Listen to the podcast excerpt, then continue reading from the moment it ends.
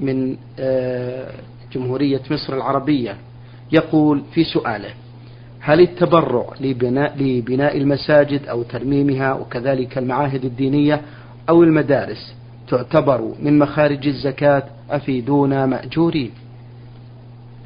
الحمد لله رب العالمين وأصلي وأسلم على نبينا محمد وعلى آله وأصحابه ومن تبعهم بإحسان إلى يوم الدين.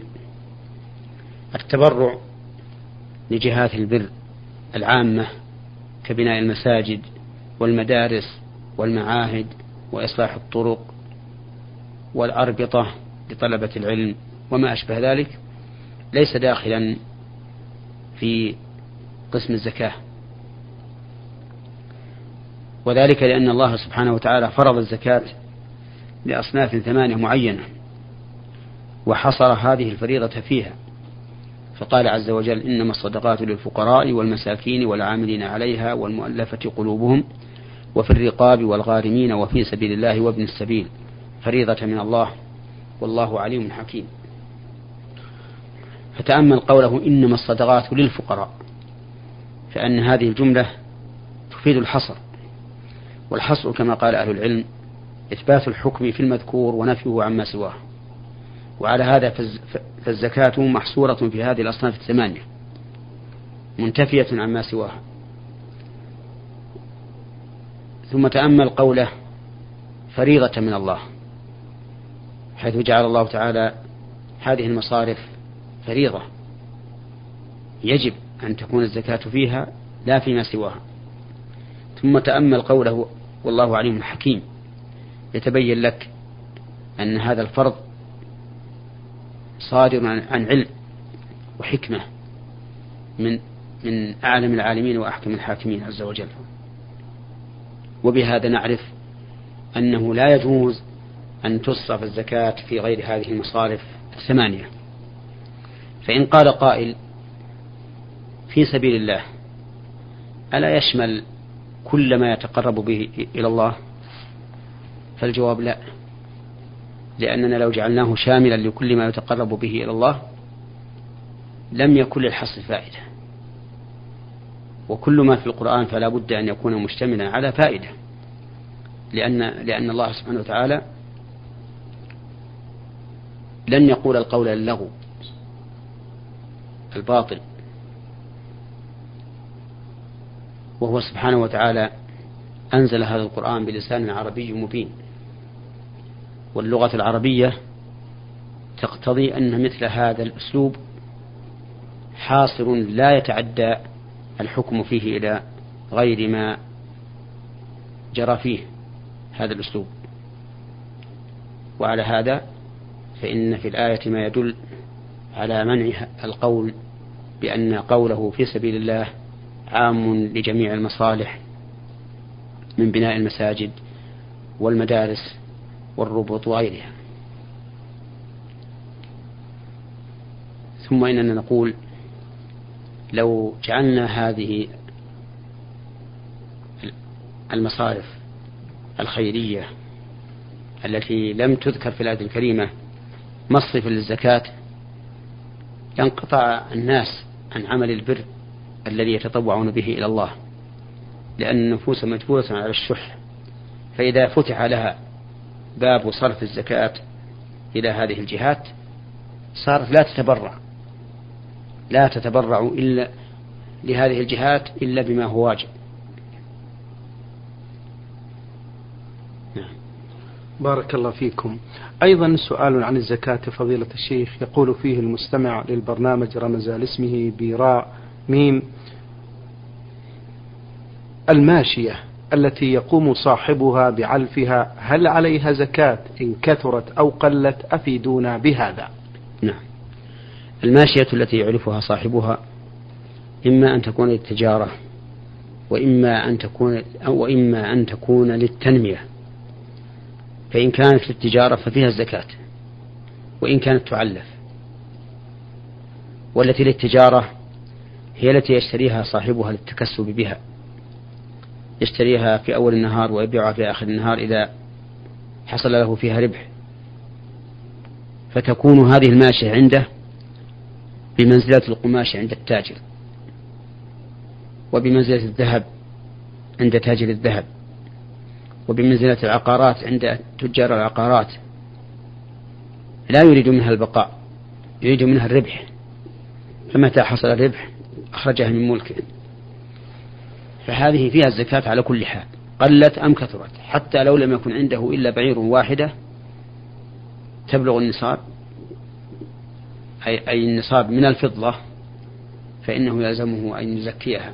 فمثلا إذا كان عنده بعير واحد تساوي خمسمائة ريال وجب عليه فإذا كان عنده بعير واحد تساوي خمسمائة ريال وجب عليه أن يزكيها. وهي بعير واحدة. أما إذا كانت الماشية التي عنده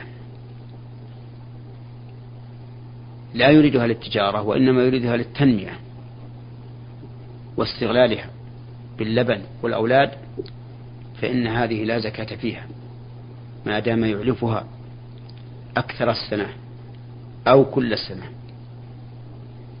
لأن الأحاديث الواردة في الماشية تقيد هذا بالسائمة السائمة. والسائمة هي التي ترعى ترعى الحول كله أو أكثره. فأما التي تعلف الحول كله أو أكثره فإنه ليس فيها زكاة ما لم تكن للتجارة. نعم. طيب بارك الله فيكم فضيلة الشيخ. هذه رسالة وصلت آه، من مستمع للبرنامج المستمع الحقيقة لم يذكر اسمه وله مجموعة من الأسئلة. يقول هل يجوز للمسلم أن ينوي الصيام بنية واحدة؟ أعني صيام التطوع يومي الاثنين والخميس حسب الاستطاعة أي بدون أن يكرر نية الصيام؟ من المعلوم أن النية لا تحتاج إلى تعب ومشقة طيب. ولا إلى كلفة فالإنسان إذا قام في آخر الليل وأكل فإنه لم يقم في آخر الليل ويأكل إلا بنية الصيام. فإذا قام ليلة, اثنين في آخر الليل وأكل وشرب وأمسك فهذا هو الصيام. والأعمال لا تحتاج إلى إلى عناء في في إثبات النية لأن كل إنسان عاقل مختار يفعل فعلا فلا بد أن تكون النية سابقة للفعل لأن النية هي الإرادة. فمتى أراد الفعل فقد نواه. ولا يمكن عمل إلا بإرادة. إلا من إنسان غير عاقل أو من إنسان مكره. وبناء على ذلك نقول إن الصوم يحصل إذا قام الإنسان من آخر الليل فأكل أو شرب ثم أمسك. ولا يحتاج إلى نية. لكن أحيانا يكون الإنسان قد نوى. ونام وهو على نيته ولكنه لم يقم إلا بعد أذان الفجر. فهل يستمر في صومه؟ نقول نعم يستمر لأنه نام على نية ولم يوجد ما, ما ينقض هذه النية. طيب. والأصل بقاء ما كان على مكان أحيانا تكون من عادته أن أن يصوم يوم الاثنين والخميس وينسى حتى عند النوم ينسى أن غدا الاثنين. وينام ولا يقوم إلا بعد طلوع الفجر ثم يذكر أن هذا اليوم يوم الاثنين فهل ينوي الصوم ويستمر؟ أو نقول إنه لما طلع الفجر بدون نية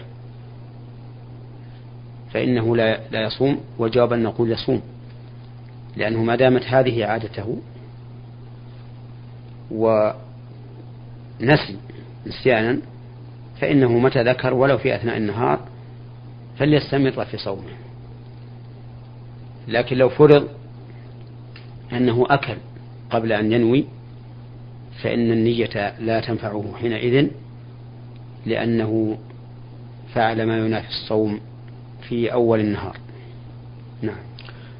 يسأل ويقول هل طعام السحور من الشروط أو الواجبات لصيام التطوع؟ وإن صام رجل ونسي أنه تسحر وهو قادر على إتمام الصيام هل يتم صومه؟ أكل السحور بل أكل السحور. أكل السحور بالضم نعم. لأن السحور بالفتح اسم لما يتسحر به نعم. وهو الطعام. والسحور بالضم اسم للفعل. كما نقول الطهور اسم لما يتطهر به وهو الماء أو التراب والطهور بالضم هو الفعل يعني فعل يعني فعل الطهارة. على كل حال نقول إن أكل السحور للصوم ليس بواجب لا في الفريضة ولا في النافلة لكنه أفضل. لأن النبي صلى الله عليه وسلم قال تسحروا فإن في السحور بركة أو في السحور بركة. ولكن لو لم يتسحر ونوى في أثناء النهار أنه صائم وهو نفل فلا حرج عليه في ذلك ولكن لا يحصل الثواب له إلا من النية فقط. لقول النبي صلى الله عليه وسلم إنما الأعمال بالنيات وإنما لكل امرئ ما نوى. نعم. بارك الله فيكم. يقول جاء في حديث نسب إلى الرسول الكريم صلى الله عليه وسلم أنه قال من مس الحصى فقد لغى ومن لغى فلا جمعة له. ما المقصود بالمس في هذا الحديث؟ وهل الذي يمشي على الحصى بدون حذاء ينتقض وضوءه؟ وما هو أنواع اللغو؟ آه، أولا قوله صلى الله عليه وسلم من مس الحصى فقد لغى يعني في ذلك مس الحصى والإمام يخطب يوم الجمعة. والمراد بالحصى الحصباء التي فرشت على المسجد. نعم. لأن مسجد الرسول عليه الصلاة والسلام كان قد فرش بالحصباء. فإذا مس هذا الحصى الذي هو الحصباء عبثا فقد لغى. لأن هذا العبث يلهيه عن استماع الخطبة. واستماع الخطبة واجب. وهذا كقوله صلى الله عليه وسلم إذا قلت لصاحبك يوم الجمعة أنصت والإمام يخطب فقد لغوت. فكل ما يشغل عن استماع الخطبة يوم الجمعة فإنه لغو. ولكن ما المراد باللغو؟ المراد باللغو ما لا فائدة فيه. ولكن هذا في الأصل. ولكن المراد باللغو في الحديث من حرم أجر الجمعة. وذلك لأن صلاة الجمعة أفضل من غيرها وأعظم أجرا. فإذا لغى الإنسان بالكلام والإمام يخطب أو بمس الحصى والإمام يخطب فقد فقد حرمان بل فقد ثواب الجمعة الذي تزيد به على غيرها. وأما قول السائل هل الإنسان إذا مشى على الحصى حافيا ينتقض وضوءه؟ فجوابها أن لا لا ينتقض الوضوء ولا علاقة للوضوء بالمشي حافيا على الحصى. بل حتى من لغى والإمام يخطب بكلام أو غيره فإنه لا ينتقض وضوءه بل وضوءه باقي. لكن كما قلت يحرم يحرم ثواب الجمعة الذي اختصت به من بين سائر الصلوات. نعم. بارك الله فيكم. هذا المستمع محمد الناصر من عنيزة يقول في سؤاله بعد أدائي لصلاة الفريضة وقفت لأداء السنة ووقف معي رجل ومنعته لكنه استمر في أداء الصلاة معي ثم سلمت وبعدها أكمل الرجل صلاته. وبعد الانتهاء من الصلاة أخبرته بأنني أصلي سنة فقال لي أنت لك سنة وأنا لي فريضة. هل صلاته صحيحة بهذا أفيدون مأجوري أولا يجب أن نعلم أن الإنسان إذا جاء وأخوه يصلي ثم دفعه المصلي مشيرا بذلك إلى أنه لا يريد أن يصلي معه فإنه لا يجوز لهذا الداخل أن يصلي مع هذا الذي دفعه. لأن هذا الذي دفعه يريد بدفعه أن لا يجعله إماما له. أي, أي لا يجعل الداخل هذا المصلي إماما له. وهذا يستلزم أنه لم ينو لم ينوي الإمامة. وقد ذهب أكثر أهل العلم إلى أنه إذا لم ينوي الإمام الإمامة فإن الصلاة لا تصح. لأن الجماعة مكونة من إمام ومأموم. ولا بد للإمام والمأموم أن ينوي كل واحد أن ينوي كل واحد منهما حالة. فإذا لم ينوي الإمام حالة وهو أنه إمام فإن الجماعة لا تصح والصلاة أيضا لا تصح. وبناء على هذا فإذا دخلت المسجد ووجدت من يصلي ولكنه دفعك لئلا تصلي معه فلا تصلي معه. وأنت إذا كنت قد تخلفت عن الجماعة حتى فاتتك لعذر فلا إثم عليه وأما إذا أذن بهذا وارتاح لدخولك معه وصليت معه فإن الصلاة صحيحة سواء كان يصلي فريضة أم نافلة لأن القول الراجح أن صلاة المفترض خلف المتنفل جائزة ودليل ذلك أن معاذ بن جبل رضي الله عنه كان يصلي مع النبي صلى الله عليه وسلم صلاة العشاء ثم يذهب إلى قومه فيصلي بهم تلك الصلاة. فتكون له نافلة ولهم فريضة. والقول الراجح أيضا أنه لا بأس أن ينوي المنفرد الائتمام أو الإمامة ولو في أثناء الصلاة. ودليل ذلك أن رسول الله صلى الله عليه وسلم صلى ذات ليلة وهو عند ميمونة وكان ابن عباس رضي الله عنهما حاضرا. يريد أن يعرف كيف كان صلاة الرسول صلى الله عليه وسلم في الليل. فلما قام النبي صلى الله عليه وسلم يصلي قام يصلي وابن عباس نائما. فقام ابن عباس رضي الله عنهما فصلى مع النبي صلى الله عليه وسلم. ولكنه وقف عن يساره فأخذ النبي صلى الله عليه وسلم برأسه من ورائه وجعله عن يمينه. والشاهد من هذا أن الرسول صلى الله عليه وسلم أقره على دخوله معه في أثناء الصلاة.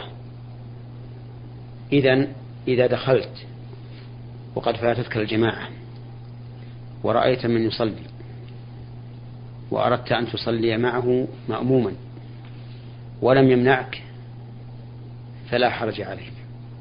صل معه فإذا سلم وقد بقي عليك شيء من صلاتك فأتمه. نعم. بارك الله فيكم. هذه رسالة وصلت من المستمع للبرنامج الخطيب من الأردن يقول في أسئلته سؤاله الأول هل يجوز تقبيل الزوجة لزوجته؟ هل يجوز تقبيل الزوج لزوجته في نهار رمضان؟ أرجو الإفادة. نعم. يجوز للزوج أن يقبل زوجته في نهار رمضان. لأن ذلك ثبت من فعل الرسول صلى الله عليه وسلم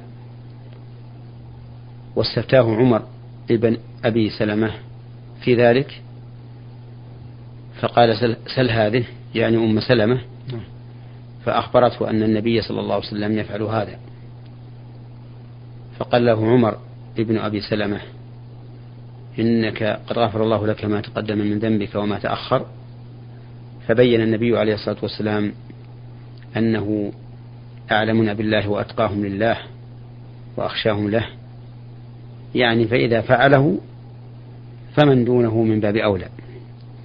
وعلى هذا فيجوز للإنسان أن يقبل زوجته وهو صائم في رمضان وفي غيره. لكن إن خشي أن يفسد صومه بأن يكون الرجل قوي الشهوة سريع الإنزال فلا يعرض صومه للخطر. أما إذا كان مالكا لنفسه ويعرف أنه ليس بذاك الرجل السريع في إنزاله فلا حرج عليه أن يقبل. نعم. المستمع أيضا يقول في سؤاله الثاني هل الموتى يرون بعضهم بعد الوفاة؟ والله لا أدري عن هذا. لا أدري عن هذا شيئا. ما مدى صحة ما يقال بأن من يموت في رمضان أو يوم الجمعة لا يعذب عذاب القبر؟ عذاب القبر ثابت لكل من يستحقه سواء مات في يوم الجمعة أو في رمضان أو في أي وقت آخر.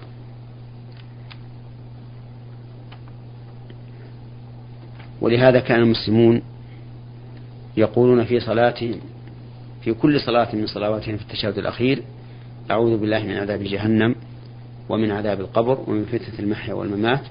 ومن فتنة المسيح الدجال.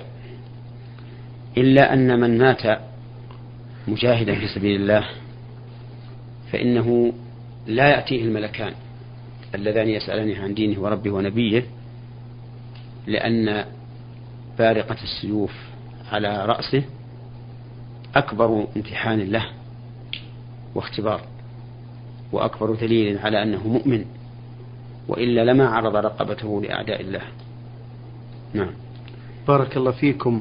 في سؤال أخير للمستمع الخطيب من الأردن يقول فضيلة الشيخ ما الحكمة من تكفين الميت بالأبيض قبل الدفن؟ نعم. تكفين الميت واجب وفرض كفاية. طيب. لقول النبي صلى الله عليه وسلم في الرجل الذي وقصته راحلته وهو واقف بعرفة يغسلوه بماء وسدر وكفنوه في ثوبين ولا يجب أن يكون الكفن أبيض لكن السنة أن يكون أبيض. فإن الرسول صلى الله عليه وسلم كفن في ثلاثة أثواب بيض سحولية وهذا هو السنة المعروفة من عهد الرسول عليه الصلاة والسلام إلى يومنا هذا. بل قد ورد عن النبي عليه الصلاة والسلام أنه أمر بالتكفين في الثياب البيض وقال إنها من خير ثيابنا. نعم. بارك الله فيكم. من محافظة ديالي العراق مستمعة غريبة آه الإسلامي تقول في سؤالها عندنا الكثير من كتب التصوف فما رأي الشرع في نظركم يا فضيلة الشيخ في هذه الكتب وبالتصوف؟ نظري في التصوف كغيره مما ابتدع في في الإسلام ما بينه رسول الله صلى الله عليه وسلم لأمته حيث قال عليكم بسنتي وسنة الخلفاء الراشدين المهديين من بعدي وإياكم ومحدثات الأمور فإن كل بدعة ضلالة. فالتصوف المخالف لهدي الرسول صلى الله عليه وسلم بدعة وضلالة. يجب على المسلم أن يبتعد عنه وأن يأخذ طريق سيره إلى الله من كتاب الله وسنة رسوله صلى الله عليه وسلم. وأما كتب الصوفية فإنه لا يجوز اقتناؤها ولا مراجعتها إلا لشخص يريد أن يعرف ما فيها من البدع من أجل أن يرد عليها فيكون في نظره إليها فائدة عظيمة وهي معالجة هذه البدعة حتى يسلم الناس منها. ومن المعلوم أن النظر في كتب الصوفية وغيرها من البدع من أجل أن يعرف الإنسان ما عندهم حتى يرد عليهم من المعلوم أن هذا أمر مرغوب فيه. إذا أمن الإنسان على نفسه من أن ينحرف من هذه الكتب. نعم. بارك الله فيكم. هذا مستمع من البرنامج ألف ميم ميم من جدة. يقول هل أحلام الموت ورؤية الأموات تدل على أن الشخص سوف يموت؟ وماذا يصنع الشخص كي تذهب عنه هذه الأحلام؟ هذه الأحلام التي يراها الإنسان في منامه مما يروعه ويحزنه من الشيطان. لأن, لأن الشيطان حريص على إدخال الحزن. والترويع لكل مسلم. قال الله تعالى إنما النجوى من الشيطان ليحزن الذين آمنوا وليس بضارهم شيئا إلا بإذن الله. وهكذا الأحلام الرديئة التي تحزن المرء وتروعه إنما هي من الشيطان. ولهذا أمر النبي عليه الصلاة والسلام من رأى ما يكره أن يتفل عن يساره ثلاث مرات ويقول أعوذ بالله من شر الشيطان ومن شر ما رأيت ثم ينام على الجنب الآخر ولا يحدث أحدا بما رأى. فإذا رأيت ما تكره من الموت أو غير الموت فاعمل كما أمر النبي صلى الله عليه وسلم. اتفل على يسارك ثلاث مرات وقل أعوذ بالله من شر الشيطان ومن شر ما رأيت وعد إذا أردت أن تنام ونم على الجنب الثاني. وإذا قمت فلا تحدث أحدا بما رأيت فإن ذلك لا يضرك وعلى هذا فإذا رأى الإنسان في منامه ما يكره من أمر الموت فإن هذا ليس دليلا على أنه سيموت قريبا بل هذا من الشيطان من أجل إدخال الحزن عليه والخوف فليستعذ بالله منه ولا يحدث به أحدا فإنه لا يضره. نعم. بارك الله فيكم. آه، السؤال الثاني في رسالة المستمع ألف ميم ميم من جدة يقول فضيلة الشيخ شاب متزوج له طفلان يصلي ويصوم ويعرف الله حق المعرفة لكن الشيطان وأعوذ بالله منه جعله يرتكب بعض الكبائر وذلك قبل الزواج رغم أنه كان يقوم بالصلاة والصيام يقول ولكن بعد الزواج ابتعدت عن ارتكاب هذه الذنوب وهذه الخطايا وتبت إلى الله توبة نصوح وأصبحت وأصبحت أخاف الله عز وجل وأؤدي الواجبات وأبتعد عن المحرمات. ولكني أجلس وأحاسب نفسي على ما فعلت من الكبائر والذنوب السابقة. وأراها عظيمة وكبيرة جدا مما جعلني مما جعل حياتي بين خوف وعدم استقرار. الرجاء من فضيلة الشيخ دلوني ماذا أفعل لكي أشعر بأن الله عز وجل سوف يرضى عني علما بأنني بين الرجاء من الله عز وجل وبين الخوف من عقابه. أرشدوني مأجوري. نعم. نرشدك إلى أن تقرأ قول الله تعالى والذين لا يدعون مع الله إلها آخر ولا يقتلون النفس التي حرم الله إلا بالحق ولا يزنون وهذه المعاصي الثلاث أكبر المعاصي في جنسها فالشرك بالله أعظم المعاصي في حقوق الله. قتل النفس أعظم المعاصي في إتلاف النفوس. الزنا أعظم المعاصي في هتك الأعراض. وهذه الثلاثة قال الله تعالى فيها ومن يفعل ذلك يلقى أثاما. يضاعف له العذاب يوم القيامة ويخلد فيه مهانا إلا من تاب وآمن وعمل عملا صالحا فأولئك يبدل الله سيئاتهم حسنات وكان الله غفورا رحيما. وحسب ما سمعنا من سؤاله من سؤال السائل أنه تاب إلى الله وآمن وعمل عملا صالحا واستقام على دين الله وحصل له الندم الشديد على ما مضى من أفعاله وهذا هو حق هذا هو حقيقة التوبة. طيب طيب. والعمل الصالح وعلى هذا فأبشره بأن الله تعالى يبدل سيئاته حسنات ويغفر له ما, ما, ما, ما اقترف من الإثم ولا يقنط من رحمة الله. كما قال الله تعالى قل يا عبادي الذين أسرفوا على أنفسهم لا تقنطوا من رحمة الله. إن الله يغفر الذنوب جميعا. إنه هو الغفور الرحيم وأقول له اطمئن واستقر وانشرح صدرا بما حصل لك فإني أرجو أن يكون ذلك عنوان سعادتك. نعم. شكر الله لكم يا فضيلة الشيخ على تفضلكم بإجابة السادة المستمعين على أسئلتهم. شكرا.